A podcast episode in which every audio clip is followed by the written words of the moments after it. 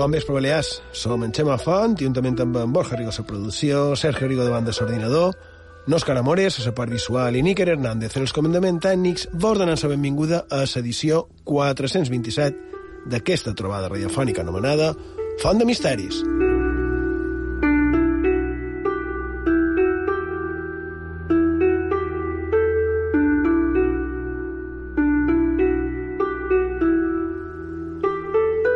Bon vespre, Borja Rigo. Bon vespre. Sergio Rigo, bon vespre. Bon vespre, Xema.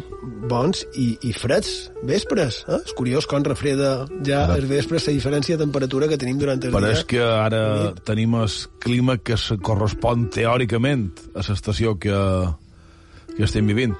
Se suposa. Um, bé, se suposa que nosaltres el que hem de fer no és parlar de meteorologia, el que hem de fer és un programa de ràdio. I de què parlarem? Cinto sumari, comencem. i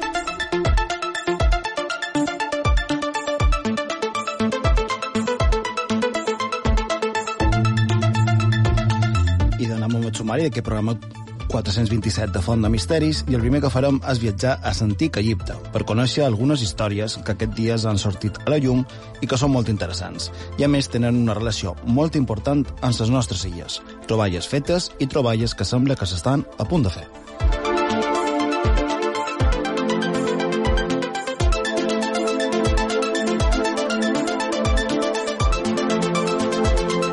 Més tard seguirem amb el tema dels OVNI, un tema que cada vegada és més d'actualitat a la premsa generalista. Per això comentarem alguns casos que, malgrat el desconeixement per part del gran públic, formen part de la història. I també, ja que estem al cel, parlarem d'Artemis.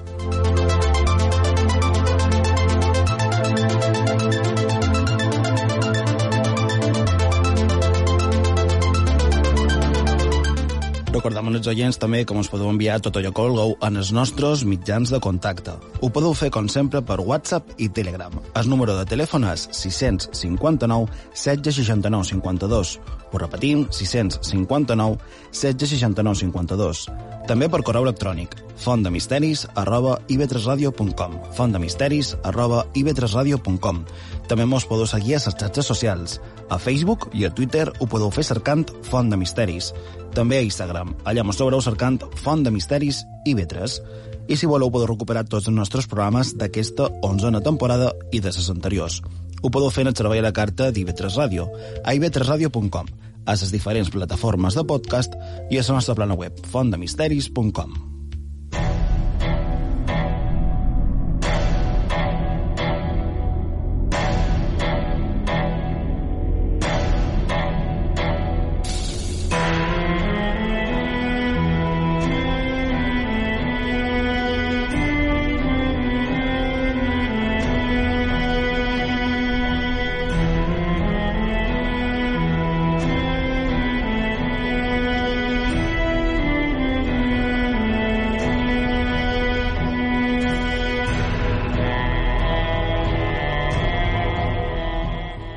aquesta ambientació musical de la mà d'en Borja Rigo i de Níker Hernández, començam.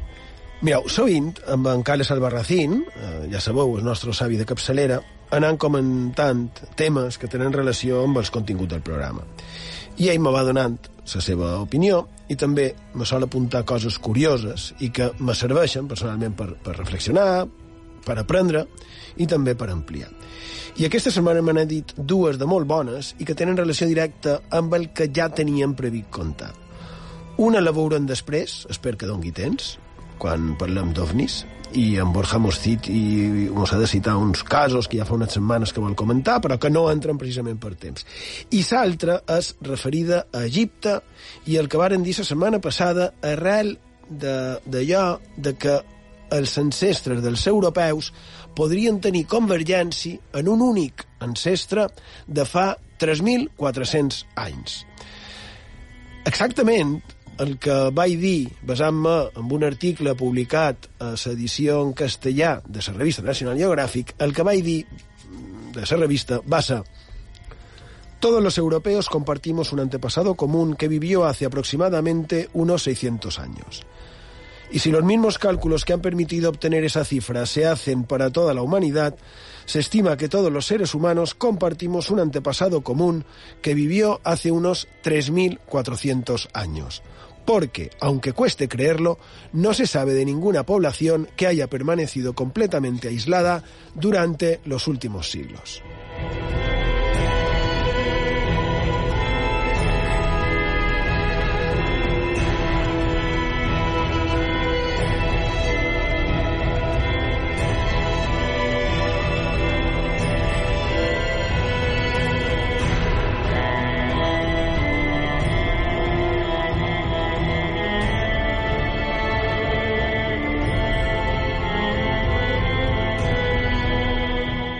I efectivament, cap població, al manco del vell món, dit així per entendre-nos, i de cap població no s'hauria mantinguda aïllada completament. I clar, en el moment que diuen 3.400 anys, en en Carles, que té una enciclopèdia en el seu capet, se li va venir una idea.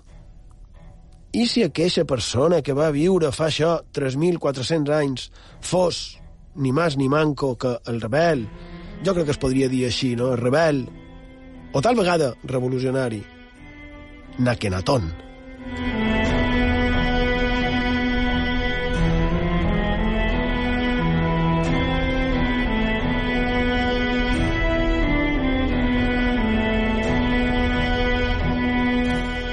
Nakenaton va regnar a Egipte per d'haver l'any 1350 abans de Crist. Fa, idò, això, de vés, o no arriba bé, 3.400 anys. Va estar casat, va tenir descendència, per exemple, conegut com a Tutankamon, i va marcar un abans i un després a l'Egipte dels faraons. Va impulsar el monoteisme. I això dels canvis, però principalment aquest, els del monoteisme, li va crear enemics entre els que m'imagino que s'aprofitaven del politeisme. No? Una mica supos eh, que devia ser que, que se'ls acabava eh, el xollo, el festival, no? Però, clar, ell era el faraó, ell era un déu encarnat, i juntament amb la seva dona, i Naton, evidentment, es convertiren en, en, en els nous déus. De la seva dona, d'una de les seves dones, la Nefertiti, es desconeix moltíssima cosa, malgrat sabre, creure sabre, millor dit, com era. I això és per una efígie que es va trobar on té una bellesa indiscutible. Mm? Curiosament, el seu nom crec que vendria a significar que el com com ha arribat sa bellesa, o ha arribat sa persona vella, no? Seria eh, la interpretació del seu nom, de quan va néixer. I pot ser que fos sa fia d'un gran general dels exèrcits egipcis i cunyat de sa dona de Amenofis III. Amenofis III era el pare de Nakenaton, que també era conegut com Amenofis IV. Que vaya, quin lío, també ho dic. Així que la Nefertiti estava relacionada amb el poder des del bressol. Eh? Però més encara quan es casà amb el segon fill de Amenofis III, amb el també anomenat com Amenhotep IV, convertint-se així en la gran esposa del rei d'Egipte.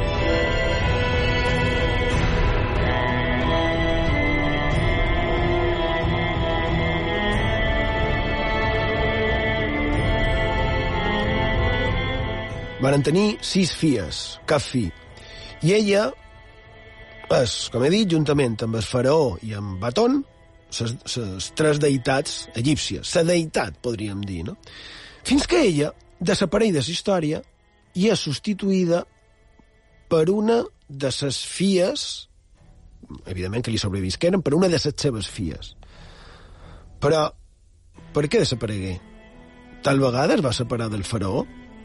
Tal vegada la pesta que, que, que va matar tres de les seves fies la va matar ella? O simplement, quan va ser substituïda per la seva fia, va passar a l'anonimat?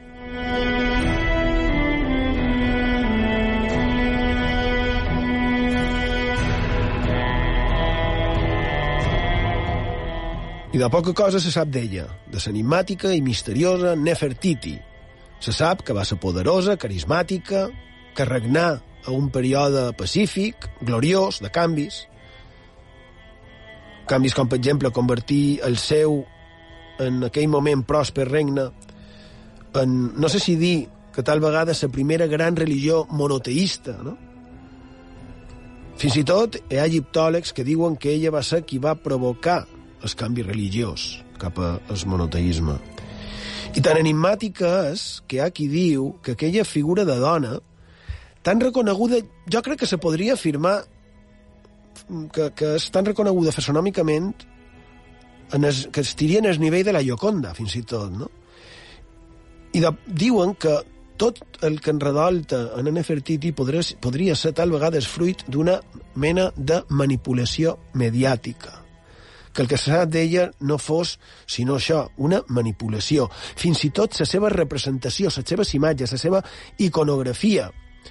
Perquè hi ha qui afirma que és una idealització, que no pot ser una representació real de com era, no? Hem d'entendre que és real com a cosa certa, eh? no, no com a tema de, de la monarquia. I tant, tant és el seu misteri que a dia d'avui encara no se sap a on és no se sap a on va ser enterrada.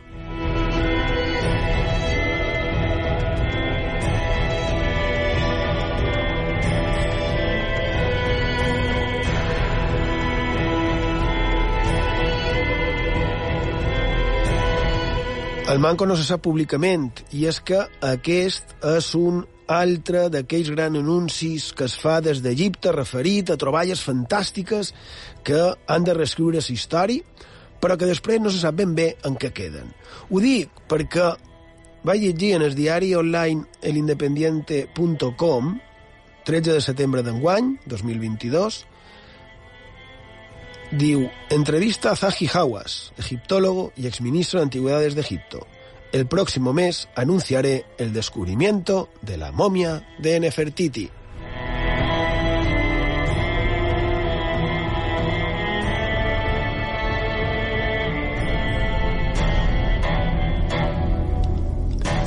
Segons això, el passat octubre de 2022 s'hauria d'haver fet pública la increïble i esperada troballa. Però no, no va ser així. Segueix la notícia del diari El Independiente. El arqueólogo más mediático del mundo avanza al Independiente el hallazgo del cuerpo de la reina Nefertiti, uno de los principales enigmas de la egiptología. I a l'entrevista mmm, se diu que que és un dels grans enigmes, se li diu, se li reconeix que hi fa que la cerca, i contesta ell. Sigo buscando dos cosas, su tumba y su cuerpo. Realmente creo que Nefertiti gobernó Egipto durante tres años tras la muerte de Agenatón bajo el nombre de Esmencacare.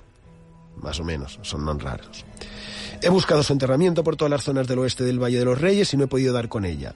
El pasado 1 de septiembre inicié la campaña de excavaciones en el área oriental del Valle de los Reyes y estoy en busca también de identificar su momia a través de un importante proyecto apoyado por National Geographic. Tenemos ya el ADN de las momias de la dinastía mm, de, bueno, Sadebuit, desde Agenatón hasta Menotep II o III, y hay dos momias sin nombre etiquetadas como KV21A y B. En octubre podremos anunciar el descubrimiento de la momia de Ankh Kesenanum, esposa de Tutankamón, y su madre, Nefertiti. Existe también la tumba KV-35, la momia de un niño de 10 años de edad. Si ese niño es el hermano de Tutankamón y el hijo de Agenatón, se resolverá el problema que plantea Nefertiti. En la ciudad dorada encontré el nombre de Esmencacare, que és el, de, amb el nom que hauria reinat na Nefertiti. I aquí està per jo el kit de la qüestió, perquè el periodista li demana ¿Está seguro? Y en Hawas hauria contestat Estoy seguro de que voy a desvelar cuál de las dos momias sin nombre puede ser Nefertiti.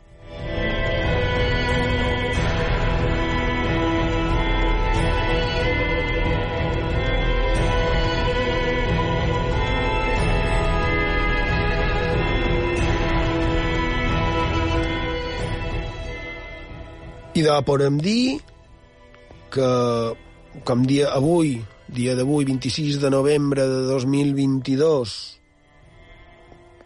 no he trobat cap resposta a la pregunta de qui és, on és la mòmia de Nefertiti, per tant jo dic que podem seguir en la polèmica amb el misteri damunt de Nefertiti i no sé si dir també damunt de l'exministre egipci en Hawas.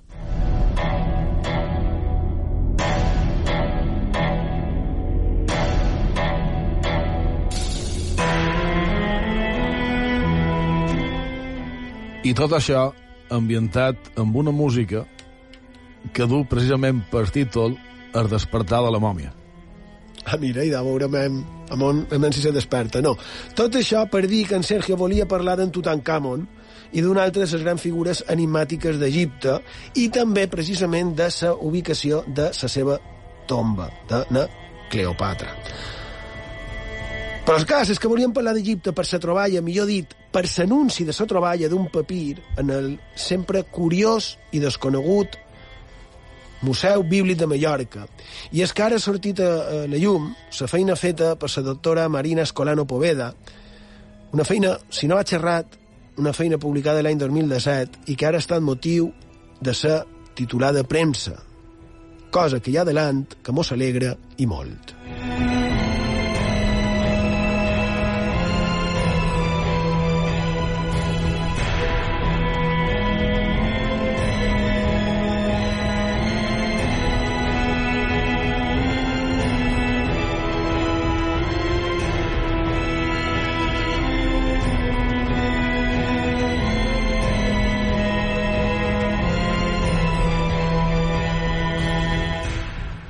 Bé, mos alegram molt, entre d'altres, perquè Font de Misteris li tenim una estima molt especial en el Museu Bíblic de Mallorca, perquè sempre han considerat que amb el que té i amb el que representa és una pena no?, que sigui tan desconegut.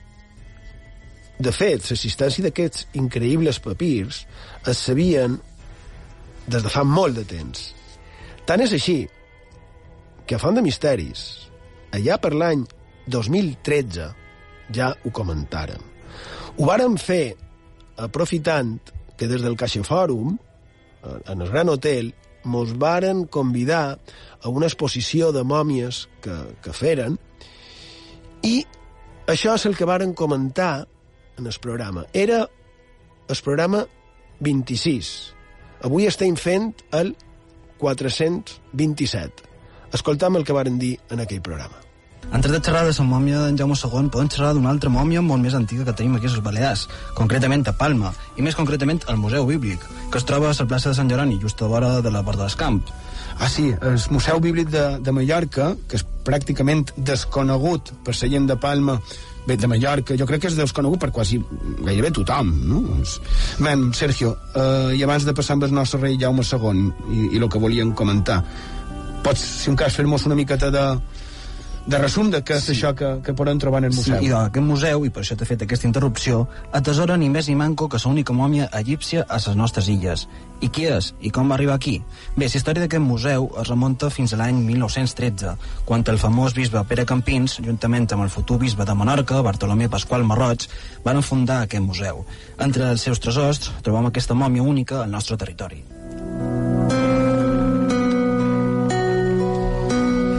I de qui és aquesta mòmia? I d'aquesta mòmia, que es remunta cronològicament fins al segle I antes de Crist, correspon a un jove de 16 anys anomenat Irt Hor Ru.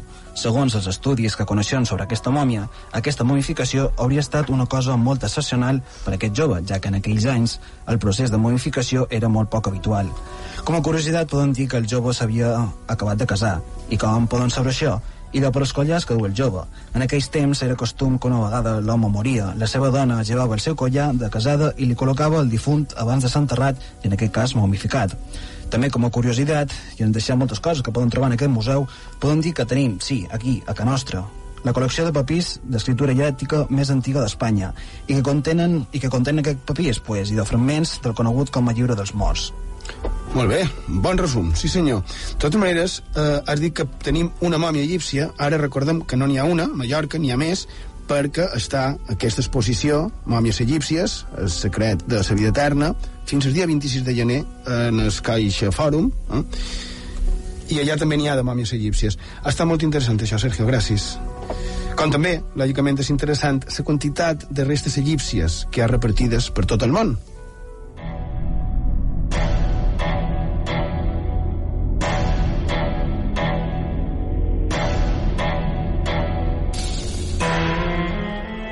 Bé, eh, recordeu que aquest tall era de l'any 2013, eh, que, que no hi ha cap exposició de mòmies a dia d'avui en el Caixa Fòrum, però ja que hi som, sí que n'hi ha una, sota el nom de Tresors d'Egipte, en el Centre d'Història i Cultura Militar de Palma, té entrada lliure, a l'antic convent de, de Santa Margalida, en el carrer de, de Sant Miquel de, de Palma, que jo encara no he anat, crec que està fins principis de gener. Vosaltres heu anat al lot? Jo encara no he passat. Encara tampoc. Bé, tu, en lo poc que estàs per Palma, no crec que, que hi vagis molt. Jo tampoc, per, per centre tampoc vaig massa. Però bé, crec que crec que pot, pot ser interessant veurem que, que tenen allà. I, i el cas que anàvem. La doctora Escolano Poveda, que és la que ha interpretat aquest papirs, increïble el currículum d'aquesta doctora en història. Increïble és la seva capacitat. Entre d'altres, exerceix de professora d'egípcia a la Universitat de Liverpool, a part dels seus treballs de camp, com el que ha fet directament a Egipte.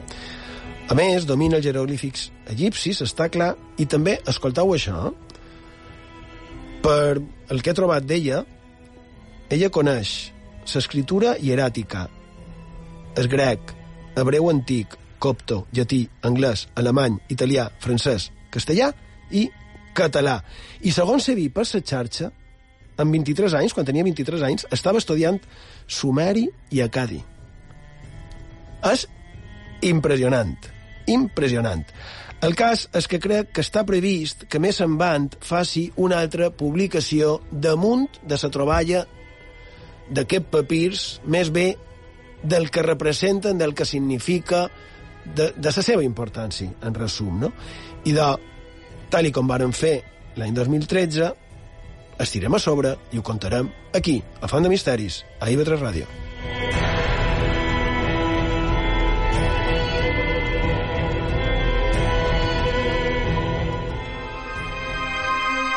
On la història es torna llegenda, a on el més quotidià es torna màgic. Acompanya'ns a la nostra Font de Misteris a IB3 Ràdio.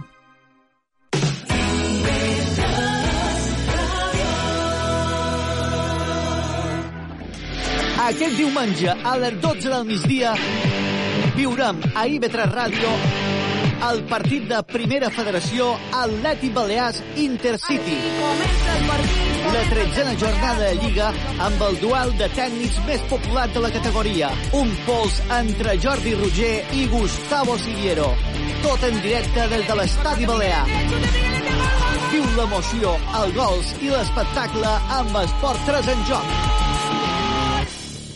Ens endinsam en el teatre, en la literatura, en el cinema, en la música i també en l'art. En la grisó cultural que teníem va ser capaç de dir hem de començar a fer cruix i començar a aflorar l'alegria, la La potència. iniciativa que compta amb la participació de diferents professionals del sector, entre ells, per suposat, els És un artistes. artista multidisciplinar. Ha fet caricatures, gravar, cartellisme i fins i tot pintura.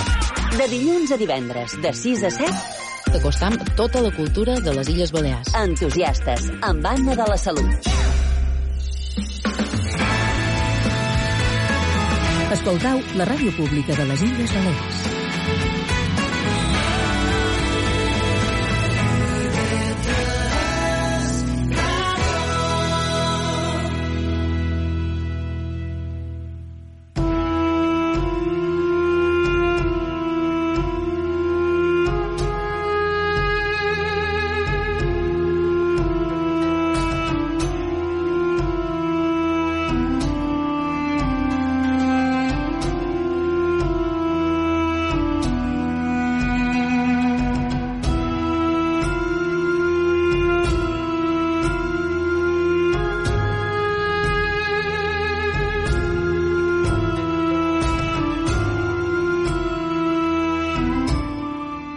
Seguim a Font de Misteris, a sintonia d'IV3 Ràdio, la ràdio pública de les Illes Balears, a través de la xarxa mos podeu trobar a iv3.org i just abans d'aquesta pausa ho hem deixat parlant d'Egipte de, i volem seguir parlant una mica d'Egipte. Sergio Rigo, han citat ja els papirs del Museu Bíblic i què volies dir tu?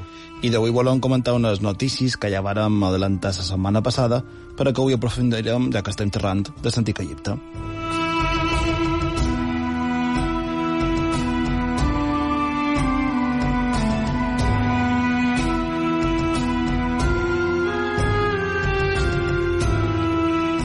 La majoria dels mitjans de comunicació es feien ressò d'aquesta importantíssima notícia. Per exemple, Muy Interesante titulava ¿Han encontrado la tumba de Cleopatra?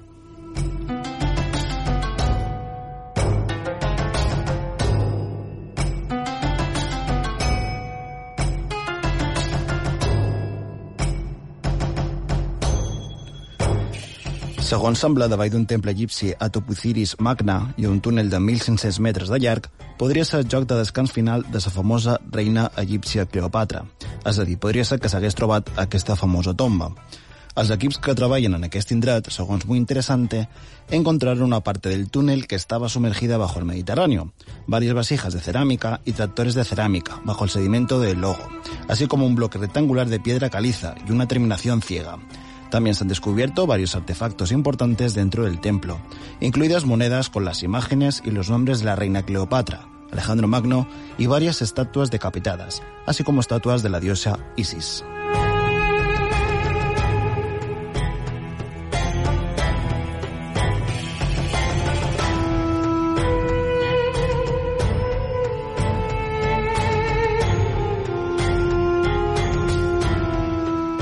Per qui no ho recordi, Cleopatra, la darrera reina d'Egipte, va suïcidar-se després de que el seu marit, el general romà Marco Antonio, també ho fes. Per això se pensa que en dos van ser enterrats junts. Cleopatra tenia 39 anys i per tenir el suport del poble de l'antic Egipte va ser proclamada filla de rei, el déu Egipte del Sol. En la seva mort, Egipte va ser anaccionat pels seus governants romans i posant així, de manera efectiva, el fi de l'antic imperi Egipte, de 3.000 anys d'antiguitat.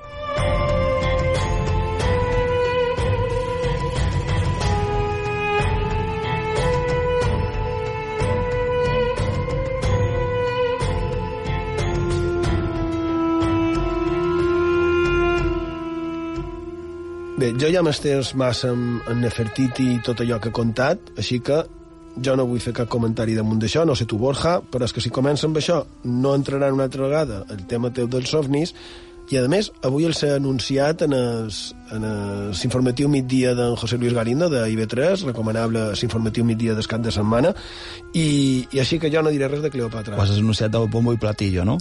Uh, sí. Uh... Ha, estat, ha estat bona, aquesta. No, molt ràpid. La notícia comentava que s'havien trobat en l'indret on suposadament hi ha la tomba de Cleopatra monedes en la fígia d'Alexandre el Gran, Alejandro Magno. No t'estic escoltant, m'he quedat lo de platillo. És que, no, no, en sèrio, això. En sèrio, no, no, no, no anant bé. Com? No anant bé. No, segueix, perdona, I- Borja, és que...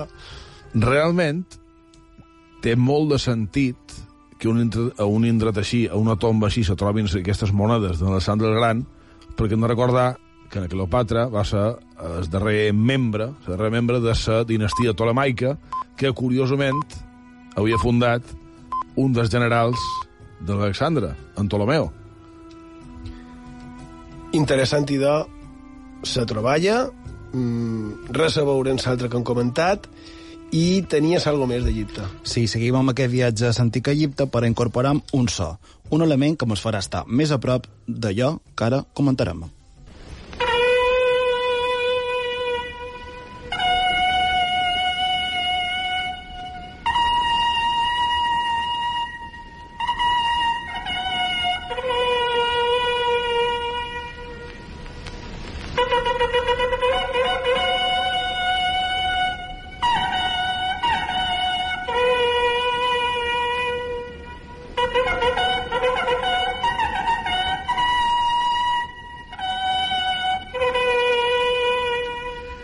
Així sonen les conegudes com a trompetes de Tutankamon, objectes que també van ser descoberts ara fa 100 anys en la troballa de la tomba d'aquest per Howard Carter. Aquest so pràcticament únic pertany a un enregistrament de la BBC i van estar sense sonar a prop de 3.000 anys. El 2011, la trompeta de bronze s'exhibia al Museu del Cairo, quan es van produir les revoltes d'aquells anys, i l'edifici fou saquejat, i això va fer que l'instrument desaparegués, però sembla que va tornar a aparèixer temps més tard en una bossa en el metro del Cairo. Com en dos instruments són molt fràgils, com deim, poques vegades han estat tocats. Però precisament per això darrer, perquè poques vegades han estat tocats, per sempre quan han fet sembla que ha succeït alguna cosa, alguns mitjans afirmen que tenen ni més ni manco que poders màgics.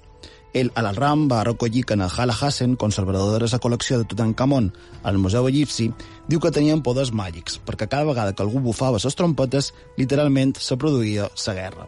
Per exemple, una setmana abans de la revolució de 2011, durant un procés de documentació, un dels treballadors va bufar una d'elles i una setmana després s'inicià la revolució.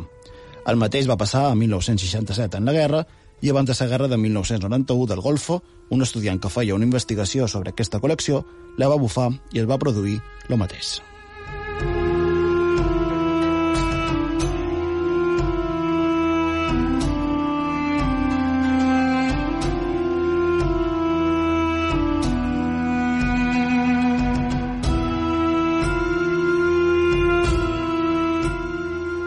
Part d'això de que se va trobar en, en una bossa en el metro del Cairo, cosa que m'ha sorprès molt, damunt de tot això vols que te digui, perquè aquí sí que vull fer un comentari d'una coseta. Primer, que fora pors, val? perquè sempre passen coses i no crec que el que un faci sonar una trompeta pugui interferir d'aquesta manera. Eh? No sé, però quantes altres històries a nivell internacional s'han produït sense que es toqués aquesta trompeta, no? I també te dic una altra cosa amb això de les guerres sempre hi ha qualcú per qui també és senyal de fortuna, que li treu profit. Basta mirar dia d'avui els diaris, no? Que mereix siguin aquells. És que li treuen profit, vull dir, no els diaris, òbviament. Per això que has contat, jo me recordo una mica el tema de les conegudes com a trompetes de Jericó. Mm? Quan després de 40 anys d'estar pel desert, els israelites arriben a Canaan, primer hi ha el fet aquell que poden travessar el, el riu Jordà sense cap problema, com quan Moisès va separar les aigües, però era un altre, eh? perquè havien passat 40 anys, eren Josué, i gràcies teòricament a la seva fe i a la seva confiança, la seva confiança en Déu, i també gràcies a la seva valentia, poden creuar el riu a peu pla sense cap problema. I dic teòricament això de la seva fe perquè hi ha teories que expliquen el que hauria passat realment, que serien certes causes naturals. Clar, però amb això la creença de, de, de cadascú determinarà si aquelles causes naturals varen ser provocades per un ens superior o simplement per setzar. Evidentment, no? Un pic creuat al riu Jordà i ja a les portes de Jericó se du a terme un estrany ritual en l'arca de l'aliança també per allà que va fer caure les poderoses murades de Jericó i amb elles va caure la poderosa ciutat. No? I tot, suposadament, pel so de fer sonar unes trompetes.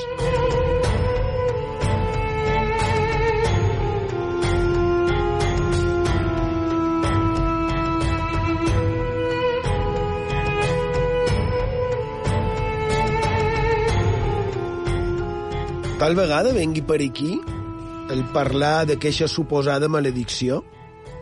No ho sé, eh? Podria ser, per què no? Encara que per ses conegudes com a trompetes de Jericó, ses temudes sirenes dels Stuka, aquells avions alemanys de la Segona Guerra Mundial que feien aquell renou tan característic abans de fer els seus destructius, no? picats, i llançar aquelles, en aquell moment, aquelles immenses bombes. I què té a veure això amb el que dic? I de que just abans, per ficar por, per desmoralitzar l'enemic, els avions feien sonar unes sirenes que eren conegudes com això, les trompetes de Jericó.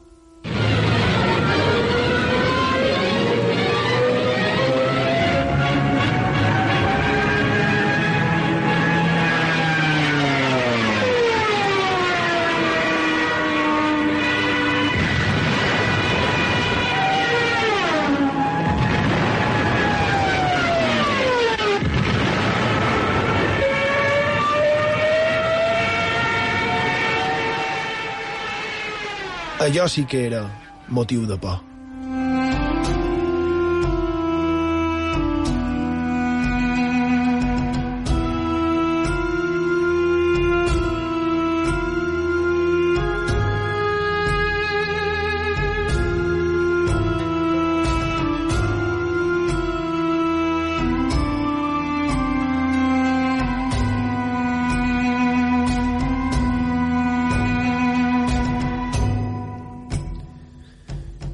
De, dels cels, dels avions, de més cap amunt, perquè ara mos anem cap a l'espai. Primer, com crec que vaig dir en antena, una petita al·lusió i reflexió damunt de l'anunci del proper viatge a la Lluna per part d'éssers humans. Faig referència en el projecte Artemis.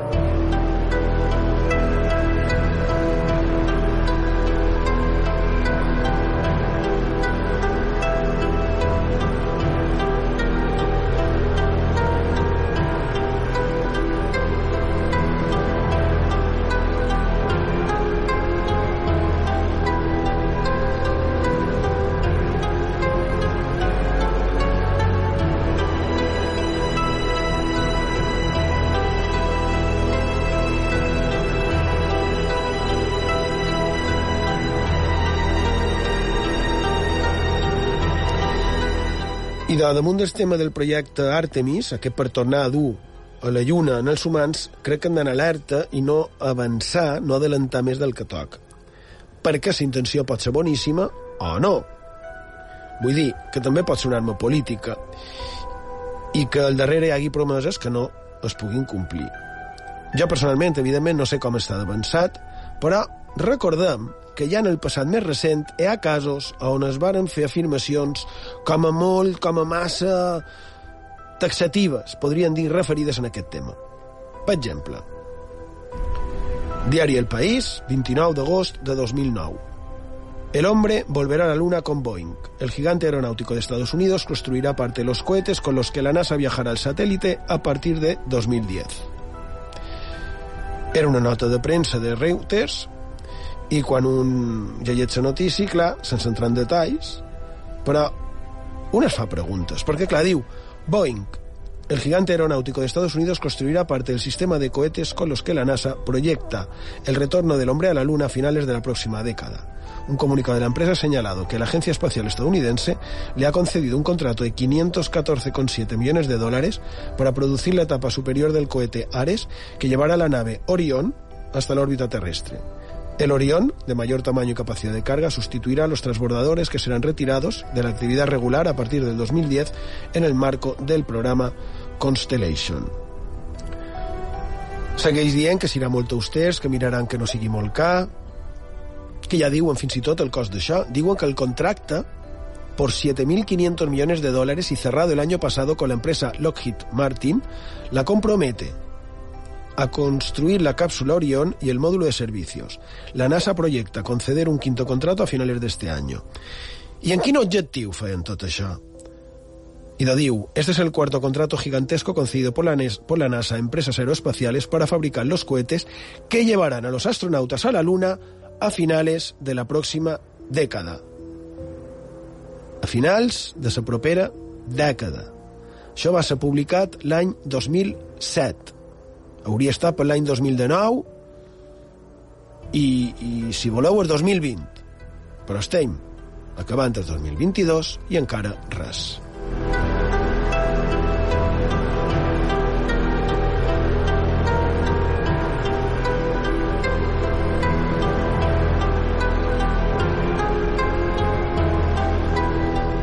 Això ho dic perquè des de fa temps es van repetint aquestes informacions. I clar, jo me deman, com queda tot això? Perquè són molt de dobbes dels que estan parlant, ho trobeu? Com per fer aquestes afirmacions tan directes, tan com he dit taxatives. A bé, i no és que fos una sortida aventurada de qualcú, com he comentat abans, sa, tal vegada sa d'en Hawas, perquè això vendria d'enrere, perquè 1 de setembre de 2006, tres anys abans del que acab de dir, ja s'anunciava, també ho del diari El País, la NASA presenta la nave espacial Orión para reemplazar al transbordador y volver a la Luna. Debería estar listo para servir a la Estación Espacial en 2014 y llegar a la Luna en 2020, según los planes de la visión de exploración espacial del presidente Bush.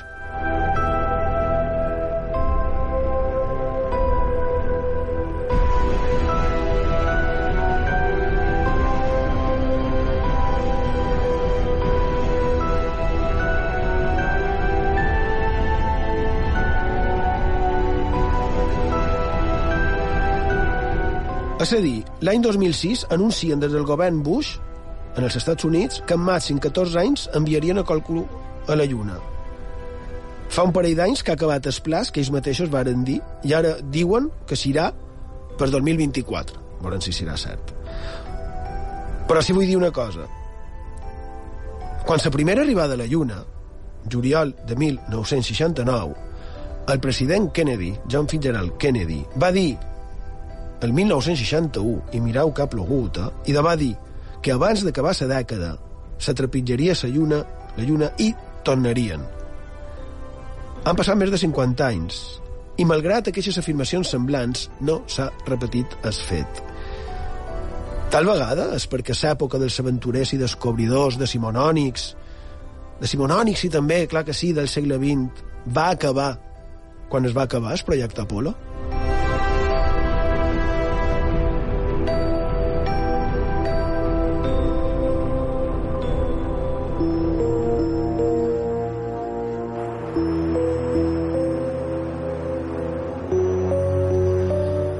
Això, evidentment, sense entrar a valorar les teories conspiranoiques i sense deixar de banda tots els avanços que estan avant, havent, que és vera, també les imatges magnífiques, fantàstiques, que estan enviant des d'aquest darrer vol a l'espai cap a la Lluna, i, i que, malgrat el que he dit, no deixa de ser fascinant, sens, sens dubte.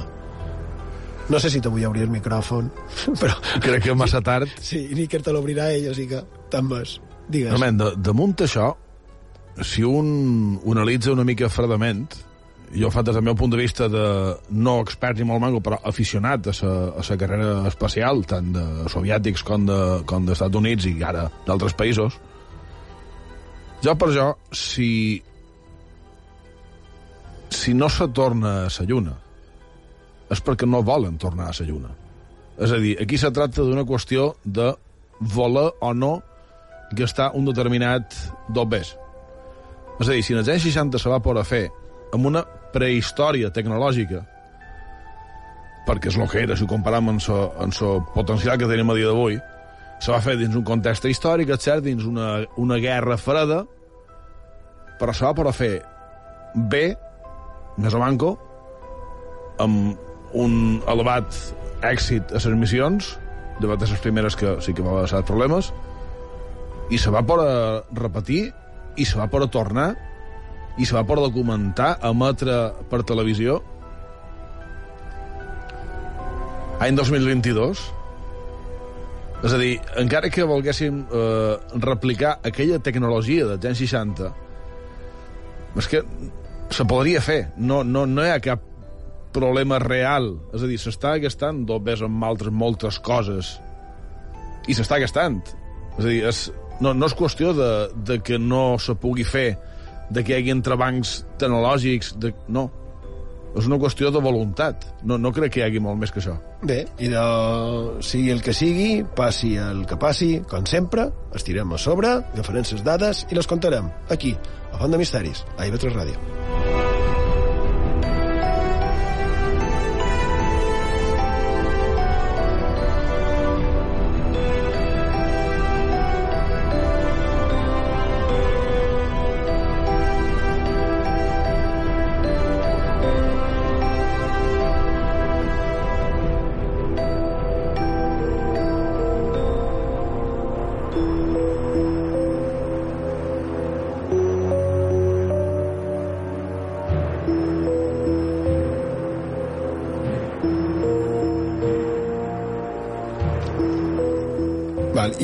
Seguim allà pels cels, per l'espai.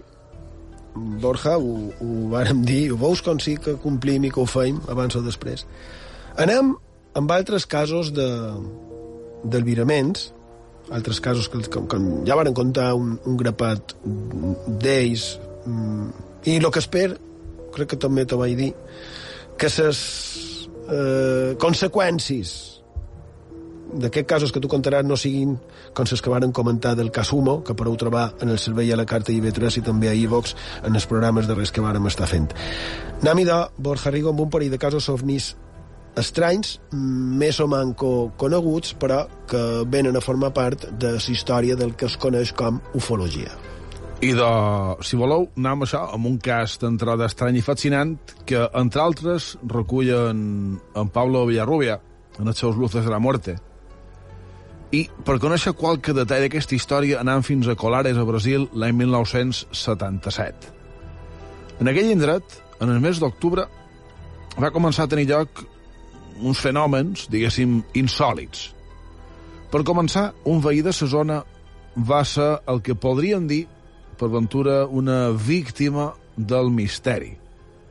Ja ben entrada la nit, va notar com la seva habitació s'omplia d'un gran resplendor, d'una potentíssima llum que va arribar a tocar el seu cos produint-li cremades. Va ser el primer d'un seguit de successos de caire similar.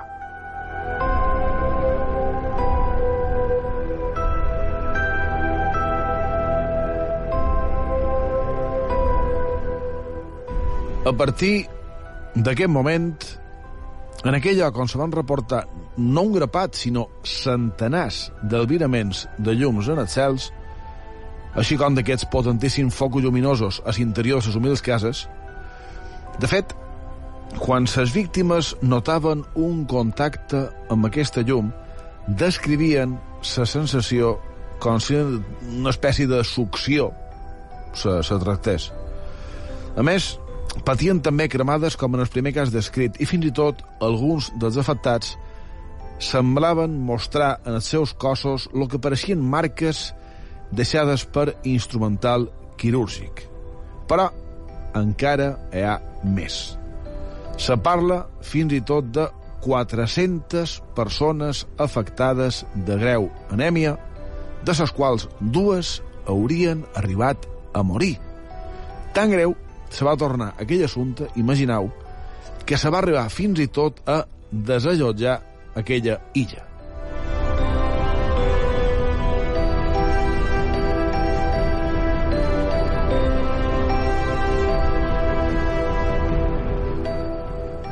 Cal matisar que aquell assentament s'havia fundat l'any 1961 i que a dia d'avui, ja en ple segle XXI, té uns 11.000 habitants.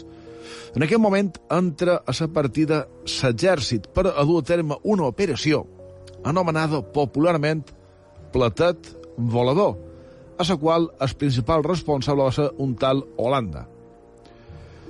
No va transcórrer massa temps fins que, jo crec que, com podem fàcilment imaginar, aquell assumpte se va tornar d'altíssim secret. Però tampoc se va tornar gaire arribar a la sorpresa. Molt afectat per les circumstàncies de la situació, va ser el propi Holanda qui se va decidir a parlar, a revelar les seves impressions.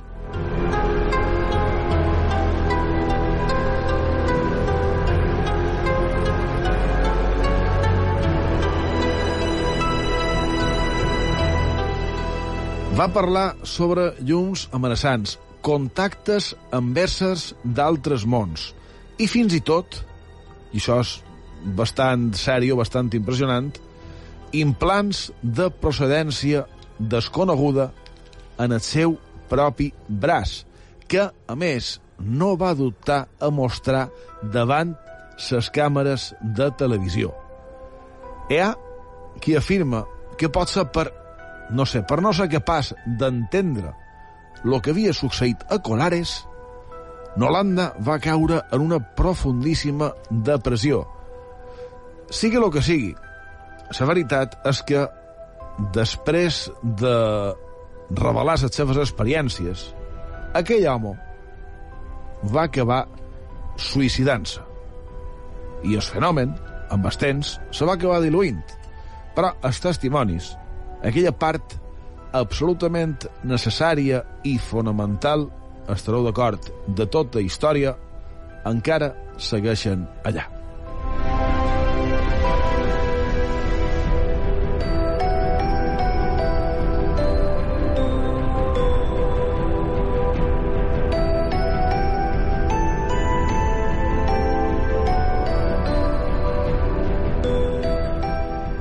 Mira que t'havia dit que no fos en conseqüències tràgiques, eh? començant bé. Menys mal que no m'està donant temps a, fer-ne un, perquè si, si fas més casos, aquí acabaríem tot plorant. No sé, uh, és vera o no? Totalment. Perquè mira, mira que, que, que t'ho he dit. I mos ha quedat eh, per comentar, i, i ja m'ho vaig a venir, el que encara Albarracín me, me, me, me va dir damunt d'un possible ovni encara que ningú se pensi que és un ovni, però que hi ha qui pensa que sí que ho pot ser. Jo crec que la propera setmana no sé si és edició de dissabte o l'edició dominical de Font de Misteris, crec que poden seguir un poquet amb aquest tema i amb altres més, si, si vos sembla bé, no sé, no sé. Tens més, no? Tens més casos. Hi ha, hi ha un bon grapat més. Si, preparat. si vinculam ovnis en religió, jo crec que l'edició dominical seria la més, la més adient. Uh, vist, vist així, sí, vist així. Una miqueta... Bé, que preferir no fer cap comentari.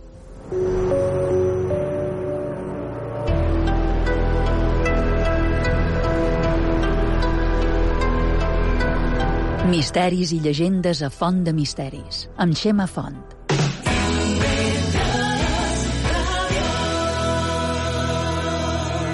Diumenge, a No venim amb manual. ¿Cómo trabaja UNICEF en todo el mundo? Pues UNICEF está en todas las situaciones en las que hay una vulneración de los derechos de la infancia.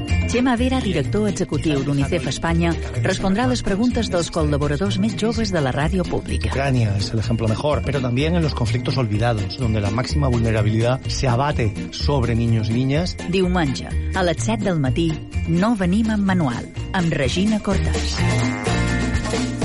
Penta. Quina paraula creus que s'està perdent?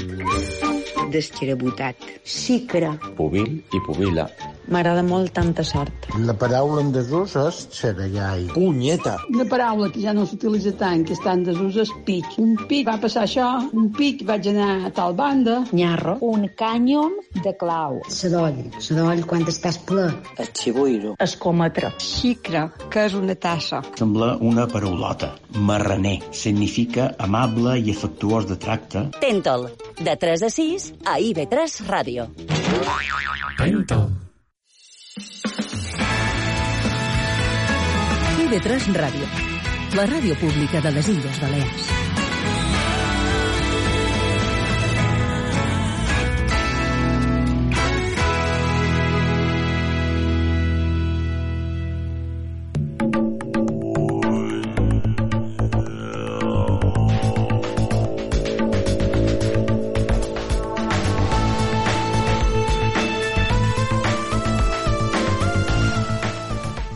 I d'hem arribat a la fi del programa d'avui. Esperem que hagueu passat una estona agradable i que hagueu pogut treure qualque cosa de profit d'aquesta font de misteris. I jo crec que tots coneixem la història que va popularitzar l'enginyer romà en Vitruvi damunt d'en Arquímedes i el seu famós Eureka. En Arquímedes havia de determinar si la corona d'or que Hieron II havia manat fer a un orfebre contenia la quantitat d'or estipulada. Però, clar, com sabreró, sense rompre, sense fondre la peça. Hieron li va donar açò, la corona passava el que tocava, però, clar, la densitat dels materials mostraria si era tot o o si hi havia d'altres materials. El cas és que en Arquímedes se n'adonà que submergint-se a la banyera desplaçava una quantitat d'aigua. Així, si sumaria la corona, el volum desplaçat seria el volum corresponent a la pròpia corona. I si aquell mateix volum no, passava el mateix que la corona i d'allà estiria. Però no va ser així. El volum de la corona era el que tocava, però no es pas, o s'enribés. L'havien enganat. I clar, el rei va prendre mesures. El joier va ser ajusticiat. I clar, aquí és quan un es demana moltes coses, no? Realment, el gingot, el bocí d'or que li va donar el rei a Sorfebre era 100% fiable? Ho varen comprovar abans? Així mateix, damunt la, la peça, es va tenir present que quan es fa una peça de joieria hi ha una pèrdua que es correspon més o manco un 5%, es que el coneix com a merma, tingueren present que per treballar això i donar-li duresa es mescla, es fa un aliatge amb altres metalls com el coure, i, al igual que això, puc fer més preguntes i dubtes, però el cas és que la història o la llegenda parlen de Arquímedes, el savi, com un gran científic, que, que, que ho era, Bé, fixeu-vos que han passat més de 20 segles i a dia d'avui el volum de d'or es calcula precisament amb bàscules d'aigua, però en tot això ningú pensa en les conseqüències que va tenir, en aquell cas, per l'orfebre. Que no ho sé, eh? No ho sé. Però imagineu que realment no fos el responsable directe, perquè en aquell anònim artesà el van condenar a mort i Arquimedes s'ha passat a la posteritat. No? Quan d'altres casos, en el preu pagat per innocents queda en un segon pla. No? Com es banalitza quan les vides perdudes no són les properes, no ho trobeu? Ara me ve al cap aquell míssil o el que fos que hauria matat a dues persones a Polònia fa unes setmanes, que semblava que havia de ser la fi del món i, i dels que ningú se'n recorda, ni del que va passar ni molt manco d'aquelles dues víctimes. No? Estiria bé Utopies de la mitjanit del 17 i 3 Ràdio, que fóssim una mica més sensibles, que fóssim una mica més empàtics, però de veritat, no per treure profit, com, com tantes veu darrerament, on sembla que hi ha qui s'alegra de les desgràcies dels altres pel profit que li poden treure. És molt trist. I clar, un veu com això es repeteix, es repeteix, que vols que et digui, fa una mica de fàstic de Ennio Morricone, de la pel·lícula The Good, The Bad and the Ugly, el bo, el dolent i el lleig, d'Ecstasy of Gold, l'èxtasis de so. Allí, Pau, bona nit, gràcies per la vostra companyia i fins demà.